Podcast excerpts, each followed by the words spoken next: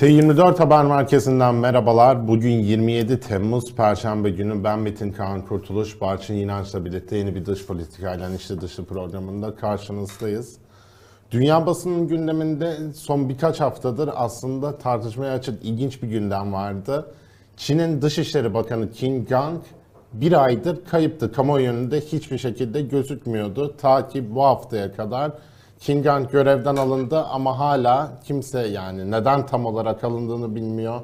Neden görünmediğini bilmiyor ve bu konuyla ilgili ilginç bir şekilde yorumlar sansürlenmiyor. Çin'de genelde devlet büyükleriyle ilgili yorum yapılmıyordu ama onun yerine göreve getirilen e, Wang Yi Çin Dışişleri Merkez Komisyonu Direktörü olarak görev yapıyordu ki bu hiyerarşik olarak aslında yasa yapıcılığında Çin'de dışişlerinin üzerinde bir pozisyon bu BRICS ziyaretinde Türkiye'ye gelmeden önce Dışişleri Bakanlığı'na da getirilmiş oldu ve yeni titriyle ayağının tozuyla Türkiye'ye indi dün ve ziyaretler gerçekleştirdi Türkiye'de. Bunu konuşalım istiyorum Barçın. Hem Hakan Fidan Dışişleri Bakanı'yla görüştü iyi hem de Cumhurbaşkanı Tayyip Erdoğan'la görüştü. Birazcık Çin-Türkiye çerçevesinde bu ilişkilere nasıl bakıyorsun? Oradan başlayalım. Şimdi birincisi e, senin verdiğin bu detay önemli. Yani Çin Dışişleri Bakanı'nın bir aydır e, kayıp olması, nerede olduğunun bilinmemesi, birdenbire herhangi bir gerekçe sunulmadan e, görevden alınıp yerine başka bir ismin getirilmiş olması. İşte deniyor ki eski Dışişleri Bakanı'nın sağlık sorunları vardı, aşk meşk ilişkileri diyen var vesaire. Bu bir kere Türkiye'nin muhatabının ne kadar farklı bir sistemle yönetildiğini, şeffaflıktan uzak, e, otoriter bir sistemle yönetildiğini göstermesi açısından önemli. Ama şunu altını çizelim. E, Wang Yi'nin e, gelmesi çok önceden zaten e, belirlenmişti. Çünkü açıkçası iki taraf arasında yeni bir dönem başlıyor. Neden? Çünkü Türkiye'de bir seçimler oldu ama e, ondan önce şunu bir altını çizelim. Türkiye Çin'e yeni bir büyükelçi atadı e, İsmail e, Hakkı Musa atandı. Kariyer diplomatı kendisi. Ondan önce 5 yıl görev yap, yapan Abdülkadir Emin Önen e, bir iş insanıydı ve görev yaptığı süre boyunca da Çin'le ilişkilerine, ticari ilişkilerine ara vermedi ve Çin'de aslında çok da tutulmayan, sevilmeyen e, Çin'deki önemli odak noktalarına ulaşmakta sıkıntı çeken bir isimdi. Şimdi Türkiye oraya bir kariyer diplomatı gönderdi ve e, sonuç olarak Türkiye'de de seçimler olduğu için yeni bir dönem başlıyor diyebiliriz. Şimdi Çin basınına baktığımızda Erdoğan'ın seçimleri kazanmış olmasının Çin'de memnuniyet yarattığını görüyoruz. Özellikle e, Çin'de yayınlanan Global Times'ın e, seçimlerden sonraki yorumu Batı Erdoğan'ı devirememe, deviremedi e, şeklinde oldu. E, çünkü yine Çin basınına baktığımızda e, e, Pekin'in e, Türkiye'deki Amerikan karşıtlığı yahut da Amerika-Türkiye ilişkilerindeki e, sıkıntıları dikkatlice not ettiğini anlıyoruz. E, çünkü Çin'in özellikle Amerika Birleşik Devletleri ile rekabetinde Batı ittifakında e, ki e, çatlağı genişletmek için e, ihtimal Türkiye'yi kullanmak isteyebileceğini düşünebiliriz. Bunun için de ne yapacaktır? Tabii ki örneğin Rusya örneğinde olduğu gibi Çin ekonomik gücünü kullanacaktır. Bu nedenle Çin Dışişleri Bakanı'nın Ankara'daki ziyareti sırasında ekonomik konuların ağırlıklı olarak gündeme geldiğini varsayıyoruz. Sadece varsaymıyoruz. Çin tarafından, Çin basınında çıkan e, açıklamalar ve e, dışişleri kaynaklarından e, gelen bilgilerde bu yönde.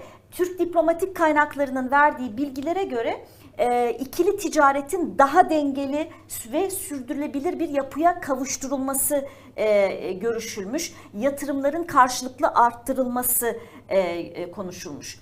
Çin basınına baktığımızda Şimdi Çin basını diyoruz. Neden? Çünkü iki Dışişleri Bakanı e, temasların ardından maalesef e, basın açıklaması yapmadılar. Başa dönüyoruz. Çünkü karşımızda e, otoriter bir rejim var. E, Türkiye'de de e, püripak demokratik bir rejim olmayınca e, iki bakan e, özel olarak basın toplantısı yapıp kamuoyunu bilgilendirme ihtiyacı duymuyorlar. Dolayısıyla biz Çin basına bakıyoruz ve Çin basını diyor ki Wang Yi iki ülke arasında çok büyük ekonomik potansiyel olduğunu söylemiş. Çin'in Türkiye'den yüksek kaliteli ürünler almak istediğini söylemiş.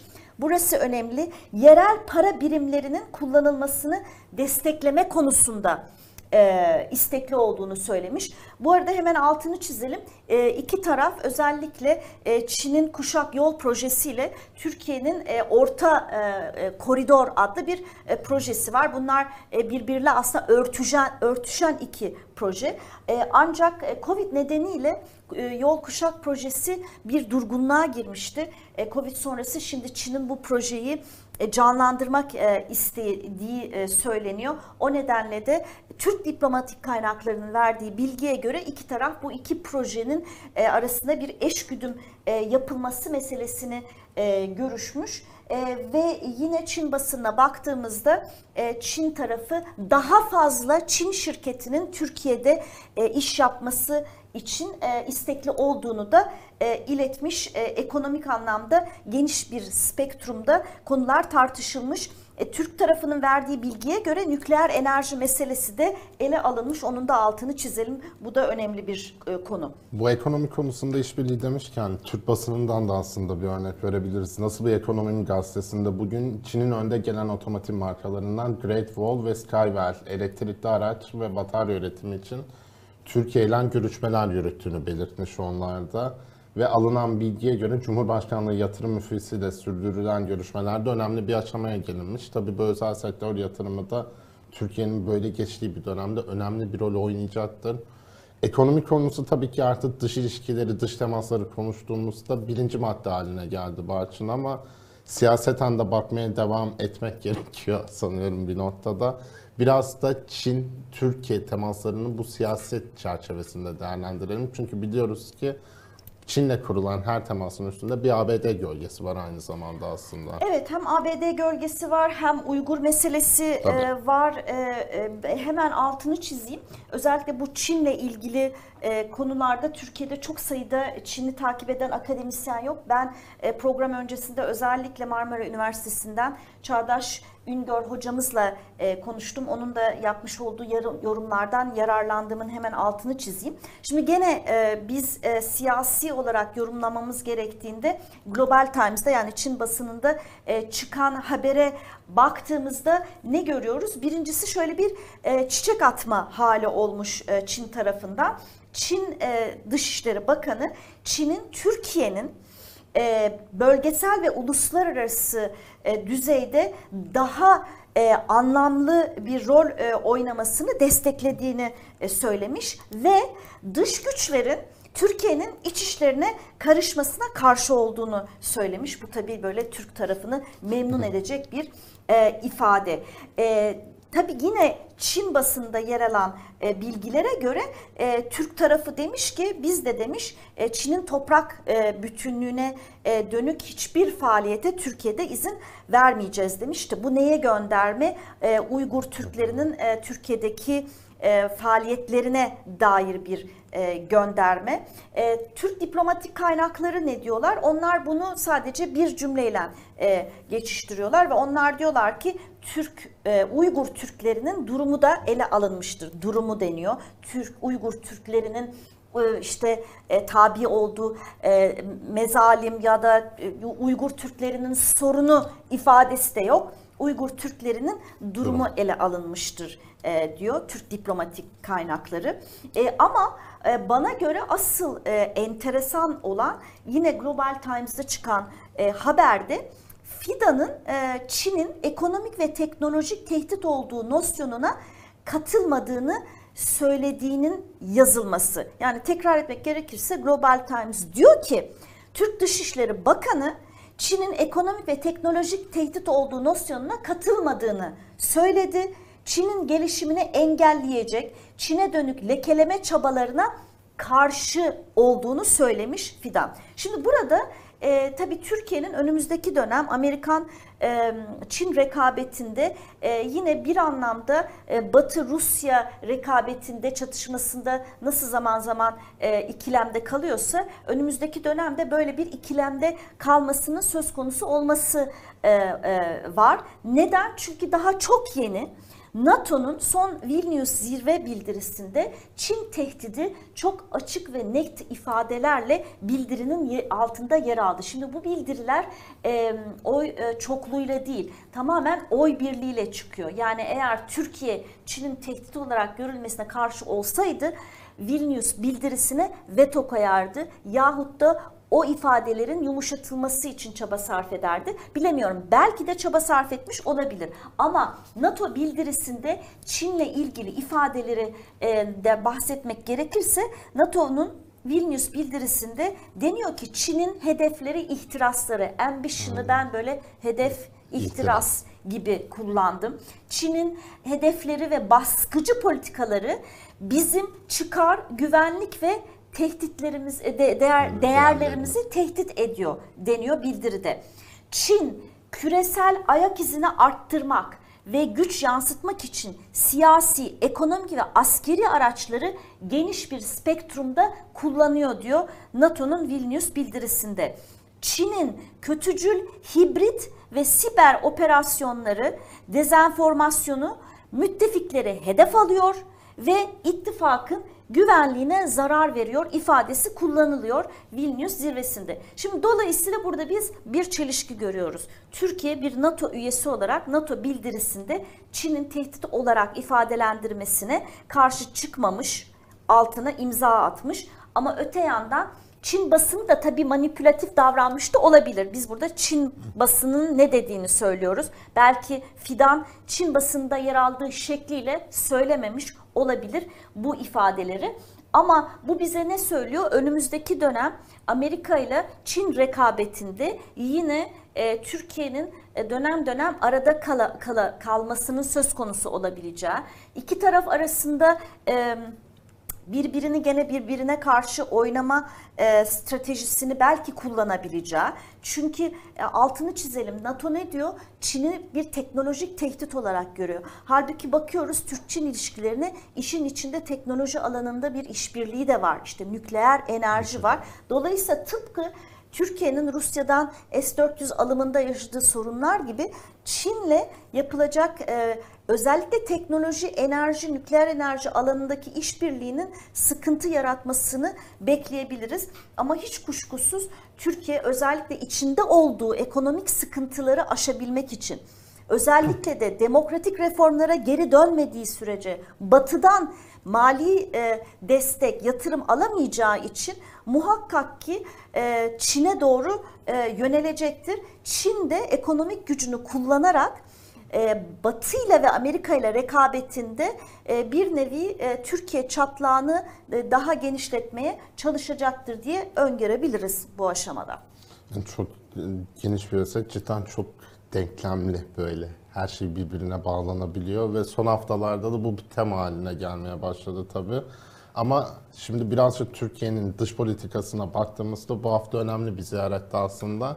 Hem Hamas'ın siyasi lideri İsmail Haniye'nin buraya gelmesi hem de Filistin Devlet Başkanı Mahmut Abbas'ın buraya gelmesiydi.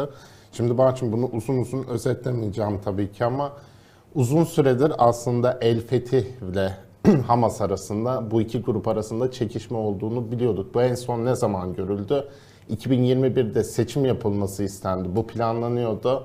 Mahmut Abbas e, Kudüs'ün katılmasını beklemek istedi. Hamas buna karşı çıktı ve bu gerilim tabii ki artık çatışma seviyesinde değil ama siyasi ve çekişme seviyesinde devam ediyordu. El Fetih ile e, Hamas coğrafi olarak da ayrılmış bir durumda. Çünkü Hamas Gazze şeridine faaliyet gösteriyor.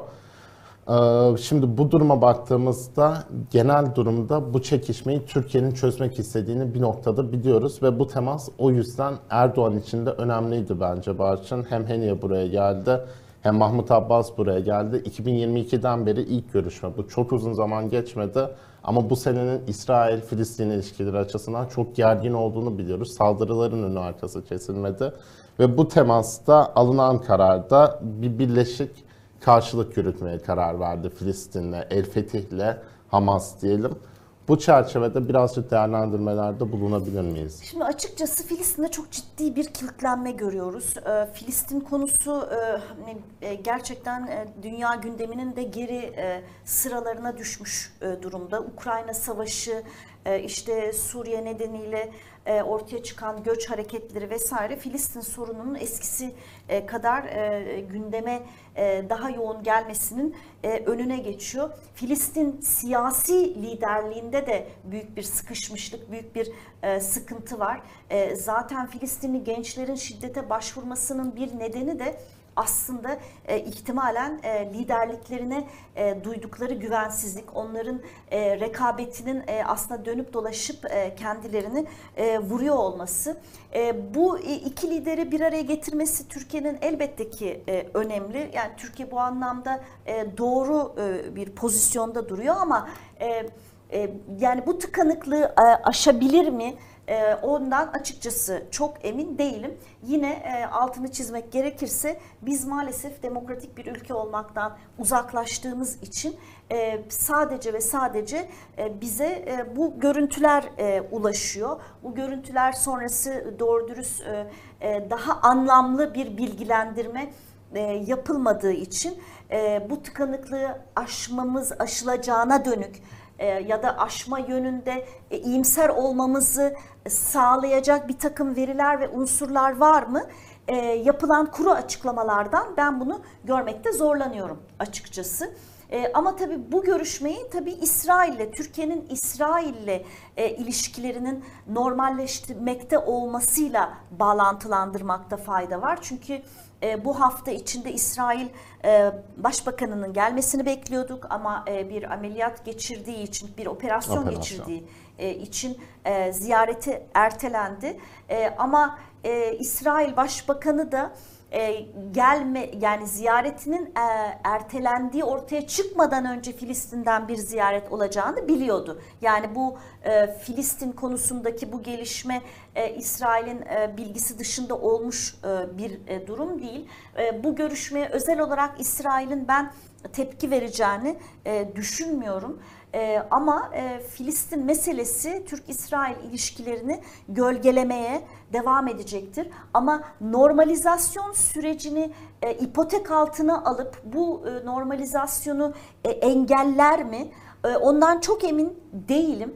E, belki Türkiye e, geçmişte e, yapmış olduğu bu çıkışlar neticesinde İsrail'le diyaloğun e, kopmasının aslında bir yarar getirmediğini kavramış olabilir diye düşünüyorum. Çünkü İsrail'e dönük tepkilerini daha diplomatik bir dil e, kullandığını e, görüyorum. Şimdi mesela çok yeni bugün Dışişleri Bakanlığı'ndan bir açıklama yapıldı. E, İsrail Ulusal Güvenlik Bakanı'nın radik, radikal yerleşimcilerle ve İsrail güvenlik güçlerinin koruması altında Mescid-i Aksa'ya ya- gerçekleştirdiği provokatif baskını şiddetle kınıyoruz diyor bugün e, yapılan açıklamada. Şimdi bunlar gerçekten diplomatik e, ifadeler. Eskiden ne olurdu? Cumhurbaşkanı Erdoğan e, çıkar kendi tabanını şey yapabilmek için, pekiştirebilmek için çok daha ağır ifadeler kullanırdı. Halbuki açıklamalarını daha e, e, diplomatik çerçeveyle e, sınırlandırdığını e, görüyoruz. E, o nedenle de e, tahmin ediyorum e, önümüzdeki dönem e, İsrail ile normalleşme konusunda her zaman Filistin'in e, Filistin sorununun gölgesi olacaktır. Ama Filistin sorununun e, günlük iniş çıkışlarının bu normalleşme sürecini e, çok ciddi etkilemeyeceğini tahmin ediyorum ben açıkçası. Evet bir cümleyle belki şey de söylemek gerekir. Ya İsrail'in kendi içinde de aslında çok karmaşık bir dönemden geçtiğini. Çünkü İsrail çok belki de tarihinin belki değil tarihinin en sağcı hükümetini seçti. Ondan sonra gündeme bir yargı reformu geldi. Bu reform da Yüksek Mahkemenin hükümet kararlarının veto etme yetkisini kısıtlıyordu aslında. Buna karşı çok uzun süredir protestolar devam ediyor. Bu hafta Neset'ten yani parlamentodan geçti yargı reformu ve buna rağmen protestolar sıkı şekilde devam ediyor. Bunun da şöyle bir önemi var. Protestoya karşı olanlar aslında laik, seküler kısım çoğunlukla, pardon, yargı reformuna karşı olanlar. Destekleyenler ise milliyetçi ve muhafazakar kısım. E, milliyetçi muhafazakar kısmı zaten Netanyahu ve koalisyonu destekliyor ve Netanyahu zaman zaman bu koalisyonu ve tabanını aslında pekiştirmek için Filistin meselesini de çok ağır şekilde kullanabiliyor. Bunun da tabii ki Filistin için yıkıcı sorunları olabiliyor. Şimdi gözden kaçmasına geçelim. Dışişleri Hakan Fidan bugün önemli bir görüşme yaptı. Libya Dışişleri Bakanı ile bir araya geldi. Ee, Gözden kaçmasın olarak bunu not düşelim. Onun dışında Uluslararası Savunma Sanayi Fuarı devam ediyor. Bu tabii ki Türkiye savunma sanayinde önde görüyor kendini, çok önem veriyor, üzerine düşüyor ve İDEF olarak kısalttığımız bu fuar da aslında Türkiye için önemli. Buradan akşamın, akşam gazetesinin manşetine belki dikkat çekmek gerekir. Azerbaycan'ın elindeki Su-25, Sovyet Sosyalist Cumhuriyetler Birliği yapımı jetleri TUŞAŞ Türkiye modernize edecekmiş ve bu modernizasyonda NATO standartında mühimmat monte edilecekmiş. Tabi Azerbaycan bir NATO ülkesi değil. Bu uçaklar NATO uçakları değil. Ve Su-25 özetle tabii ki Sovyet olsa da Rus yapımı bir uçak. İlginç bir konu, ilginç bir başlık. Onun dışında günlük hayatımızda da iklim değişikliğinin yani yıkıcı etkilerini her yanıyla yaşadığımız bir yaz oluyor. Ondan önceki yaz da öyleydi. Her yaz kötüye gidiyor Barçın. Ve maalesef Akdeniz'de ve ülkemizde çok ciddi yangınlar görüyoruz. Tabii Yunanistan da aynı şekilde bu yangınlardan Ege'de etkileniyor. Rodos'ta büyük yangınlar oldu. Kosta, Köstence'de büyük yangınlar oldu. Tabii Türkiye'nin burada yangınlara yardım için uçak göndermiş olması da not düşünmesi gereken bir konu. Bu yıl özellikle iki ülkede maalesef üst üste felaketler yaşadı ve Türkiye ve Yunanistan birbirinin yardımına ilk koşan ülkeler oldu bu felaketlerde. Bunu da not düşmek gerekir diye düşünüyorum deyip son olarak radarımıza bakalım.